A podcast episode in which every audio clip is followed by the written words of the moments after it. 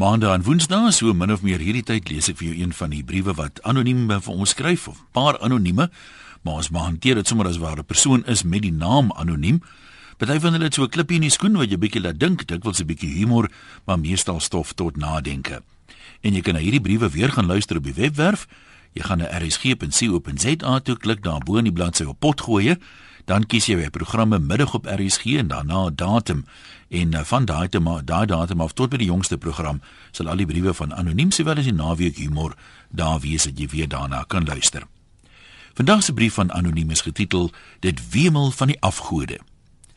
As 'n mens iets nie wil doen nie, kry jy mos altyd 'n verskoning.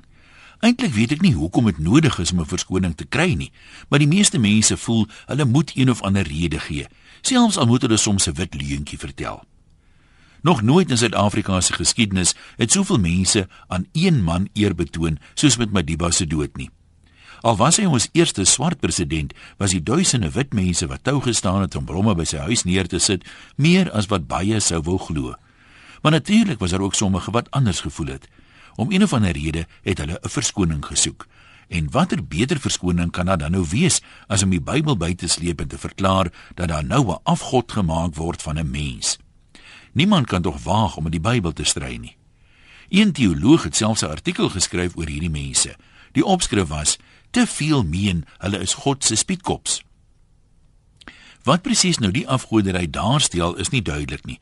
Veral omdat so baie mense juis vir God dankie sê dat hy iemand soos Madiba gestuur het om ons weer te herinner aan Jesus se voorbeeld van liefde en vergifnis.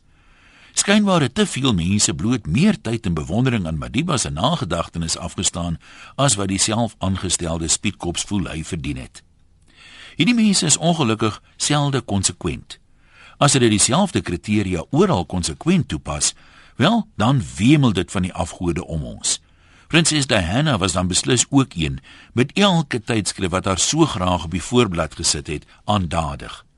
Die blou bulle is verseker ook 'n afgod vir mense wat met neusringe en horingsloftes toe gaan.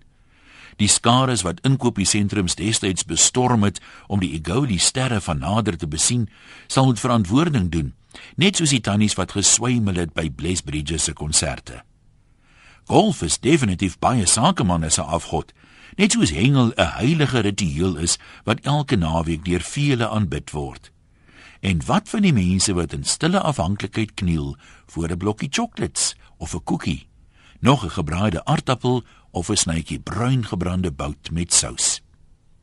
As ek kyk hoeveel verening sommige mense vir hulle troeteldiere het, voel ek sommige honderasse, soos jockeys, is beslis uit die bose.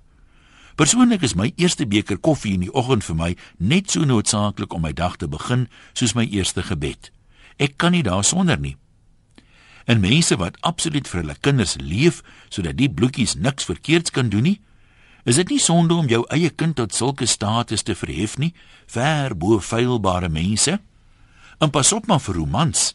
Dit lyk dalk soos onskuldige fiksie, maar 'n held wat die grond aanbid waar 'n heldin loop, sal dit moeilik maak deur die wit poorte. Hoekom sou dit wees dat ons dan nie verskoning soek vir al die afgode waarvan ons lewens so wemel nie? Dalk moet God se selfaangestelde spietkops weer 'n bietjie die gelykenis van die balk en die splinter gaan lees. Ag, maar net die samevatting van die 10 gebooie behoort ook al genoeg te wees. Groete van oor tot oor. Anoniem.